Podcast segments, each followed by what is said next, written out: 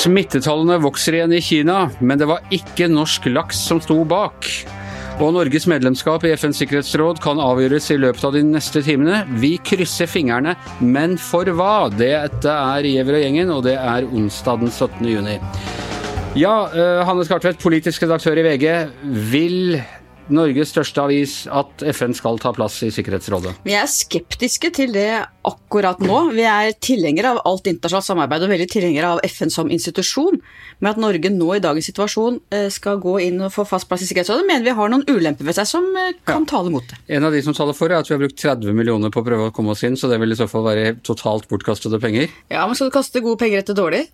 Er ikke det en gammel sånn eh, finansregel at det skal du ikke? Eh, hva den skjønte jeg, den finansregelen, som så mange finansregler. skjønte jeg ikke. Hvis du først har brukt, eh, kasta mye penger på noe som ikke er så bra, så bør du ikke fortsette å kaste penger Nei, på det samme. Jeg skjønner. Og det ville koste oss mye penger å være med i Sikkerhetsrådet om, og vi fortsetter å smøre alle disse øystatene hvis vi er medlem? Og kjøpe mm, rosa sokker til dem og sånn? Nei, det tror jeg ikke det virker. Vi har jo en stor FN-delegasjon, og det er riktig at vi har. Norge skal være del delta i FN-organisasjoner og støtte opp under det. Men det er klart vi kan komme i en skvis mellom stormaktene, altså Kina og USA som er i kjempeskvis nå. Uh, og det kan vi komme tilbake til, men vår regjerings unnlatelser i forhold til Kina Jeg tror ikke vi kommer til å stå opp ordentlig der vi skal heller. Det er mye å si om det. Og jeg har ikke skjønt hva vi egentlig vil med det medlemskapet i Sikkerhetsrådet akkurat nå. Nei. Vi vil inn, men jeg vet ikke hvorfor. Ja, men akkurat nå, akkurat nå, Dette var vel noe vi fant på i 2007. at vi, så Det tar litt tid, disse her søknads- og ikke minst smøreprosessene for å komme inn. Absolutt, og da så jo verden litt annerledes ut da vi begynte. Den gjorde det. Per Olav, du har jo dekket uh, FN og eh, utenrikspolitikk eh, lenge, og vært New York-korrespondent og, og, skrevet mye om FN og, og tusenårsmålene og FNs politikk. Hva syns du? Eh, bør vi inn i Sikkerhetsrådet? Ja, jeg var faktisk i FN-hovedkvarteret i 2001 da vi ble valgt inn forrige gang. Eh, og da var det liksom sånn allmenn jubel på den norske benken der. Det er klart at disse diplomatene syntes jo dette var veldig stas. Ja, den norske benken kommer vel til å juble i år òg, tenker jeg. Helt sikkert, men jeg, jeg, føler at vi var litt sånn heiagjeng, vi i det norske media òg, faktisk, når jeg må være helt ærlig. Vi syntes det var litt sånn eh, nasjonal, litt sånn anerkjennelse av Norge og sånn. Det var litt sånn å vinne en landskamp. De vet hvem vi er. Så, men denne gangen så har det jo, som Hanne er inne på, vært en god del kritikk mot dette at vi har søkt um, eh, søkt om en plass igjen. Det er da nesten 20 år siden sist. Jeg mener jo at eh, argumentet eh, er egentlig styrket. Jeg syns vi bør sitte der. Jeg synes Det som skjer i dagens situasjon, gjør at det er ekstra god grunn til å søke den plassen. Vi ser at eh, multilateralt samarbeid, internasjonale organisasjoner, et regelbasert eh, system i verden er under veldig hardt press. Og da må vi virkelig stå opp for det. Og da må vi virkelig også ta en del av dette med å delta der som det er viktig. Sikkerhetsrådet er et sånt viktig forum for å forsvare sånne ideer som Norge egentlig har kjempet for helt etter, um, ja, helt fra, etter, etter krigen. Eh, og, en, og, så syns jeg Norge er en stor bidragsyter i FN-systemet, og da bør vi også spille en politisk rolle der. Um, og dette med at, dette med at vi må ta sånne vanskelige valg mellom USA og Kina, for å sette det på spissen. Det er jo det det handler om. Eh, det syns jeg ikke er noe argument. Jeg synes at eh, vi, vi etterlyser jo i andre sammenhenger at vi må ha en klar tale. Vi må også være tydelige når vi snakker om dette. Og hvorfor skal vi ikke da kunne ta et tydelig standpunkt når slike saker kommer opp i FNs sikkerhetsråd? Hanne? Fordi, Per Ola, at vi ikke gjør det. Hvis du ser på hvordan regjeringa har holdt på å smiske og sleske med Kina nå i årevis etter at vi inngikk denne avtalen etter at vi var i fryseboksen, så vil jo jeg si at f.eks. Canada, som er et av de andre landene, er jo Canada, Irland eller Norge, at Canada, som har stått opp mot Kina gjennom disse årene, som har hatt en eh, fight med dem rundt at de de satte en, eh, datteren til Huaweis eh, grunnlegger i arrest, eller husarrest, og så gikk Kina inn og dødsdømte en av de, deres borgere som satt i fengsel i Kina. altså Canada vil være mye bedre egnet, for de har faktisk stått opp mot Kina. Det har den norske regjeringen ikke gjort. Og jeg kan ikke få meg til å tro at de vil vise noe mer styrke og ryggrad mot Kina i Sikkerhetsrådet enn de har gjort utenfor. Vi er jo enige når det gjelder synet på Kina langt på vei. Men jeg mener at eh, når vi sitter i Sikkerhetsrådet, så må vi konkret ta stilling til slike saker som kommer opp, også i forhold til Russland, som kan være vanskelig for Norge.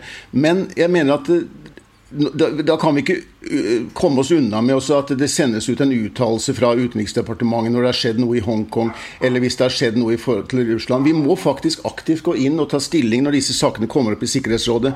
Det vil, det vil egentlig presse Norge til å ha en tydeligere profil. Canada har hatt det, og har det, det er jeg helt enig i. Men jeg, så, så jeg er ikke så opptatt av kanskje hva som har skjedd nå. Jeg er mest opptatt av hva som Norge kan gjøre når de sitter der i, et, i Sikkerhetsrådet. Men tror du de vil gjøre det, Per Olav? Tror tror du at Ine Eriksen Søreide og Erna Solberg at de vil stå opp mot Kina og instruere sine folk om å stå opp mot Kinas sikkerhetsrådet, når de har vært så veike fram til nå? Ja, det mener jeg de er nødt til å gjøre. Jeg mener de er nødt til å ta et valg. Tror du de kommer til å gjøre det? Ja, jeg, altså det, er, det, er jo, det, er, jo, et spørsmål eh, hvilke saker som kommer opp. Vi, må, vi kan ikke forutse i enhver sammenheng at de vil ta et parti mot Kina. Men, men jeg tror at uh, jeg tror at de må, bli, må, få en tydeligere stemme, og dette er en måte å gjøre det på.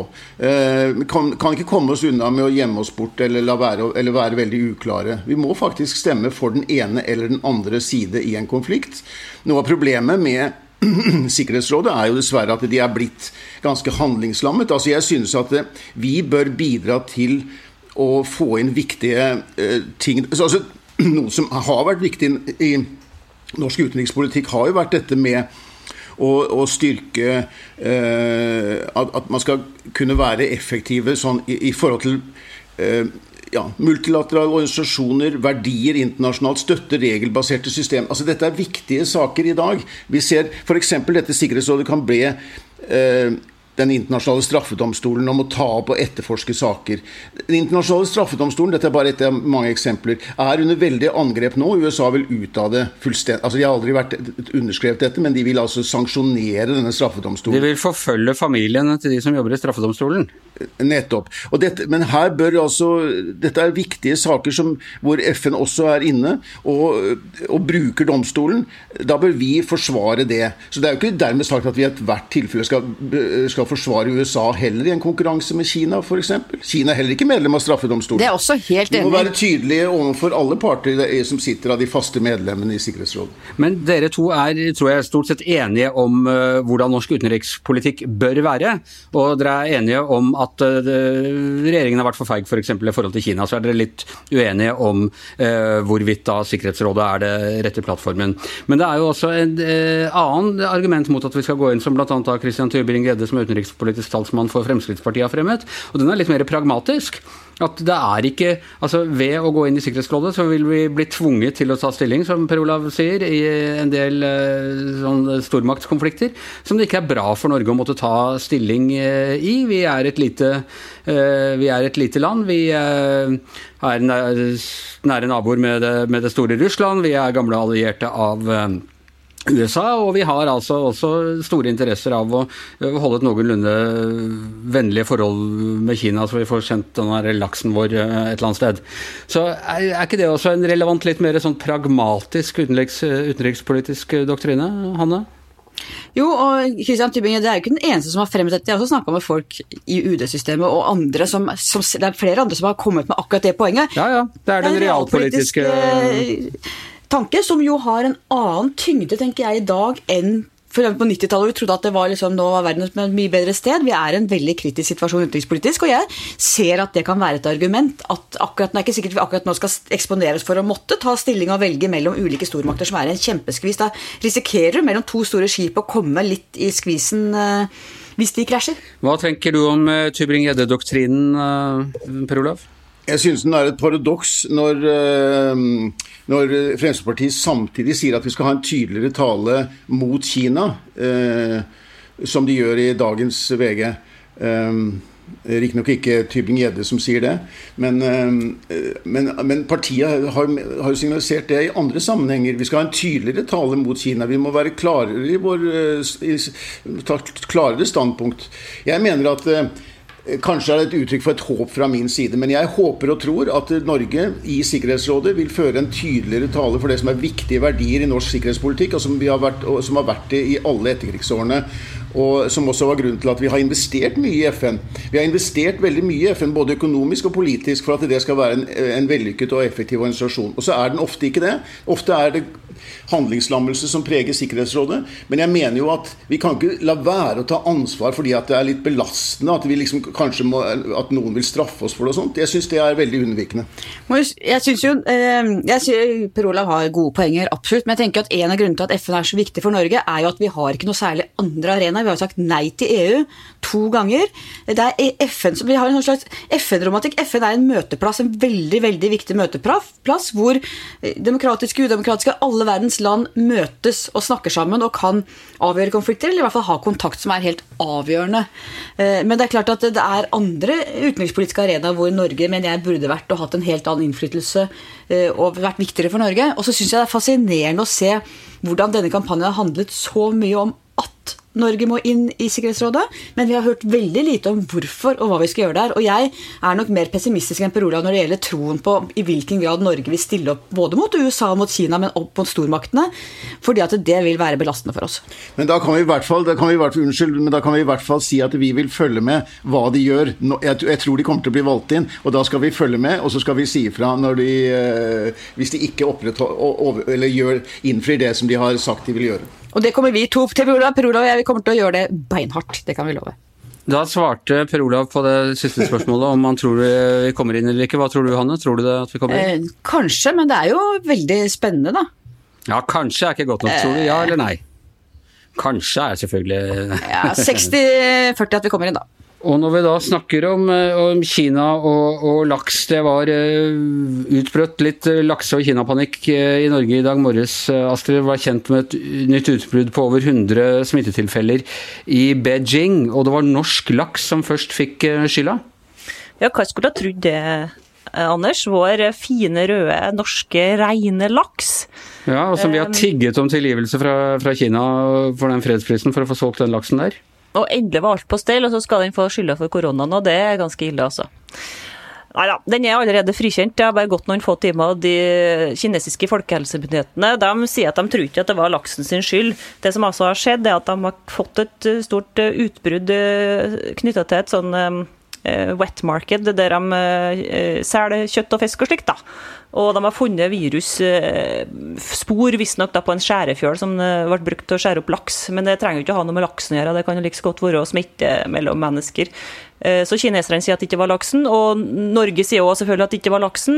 Men likevel så har norske lakseprodusenter litt problemer nå. Da. De har merka at kineserne ikke vil ta imot varene deres, sånn, så får vi håpe at det går seg til. men at det bare er midlertidig.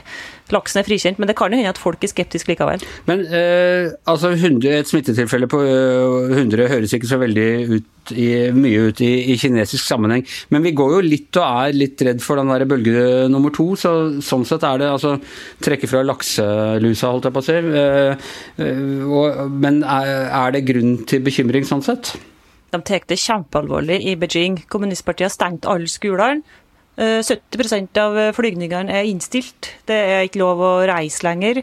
Det ser ut som det kan ha spredd seg til andre deler av landet.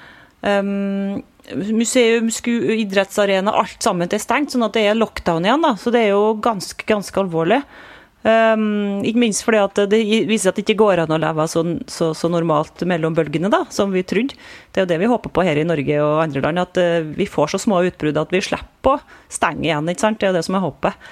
Men hvis det skal være sånn som det her, så um, er det dårlig nytt. Uh, men Kina slår jo kraftig ned, da, så det kan hende de uh, er litt hardere på labben enn andre. Nå skal titusenvis av folk testes, og de gjør alt de kan for å stoppe det. Fordi vi har vært redd for en sånn uh, bølge to, for det hadde man under uh, spanske, spanskefeberen bl.a.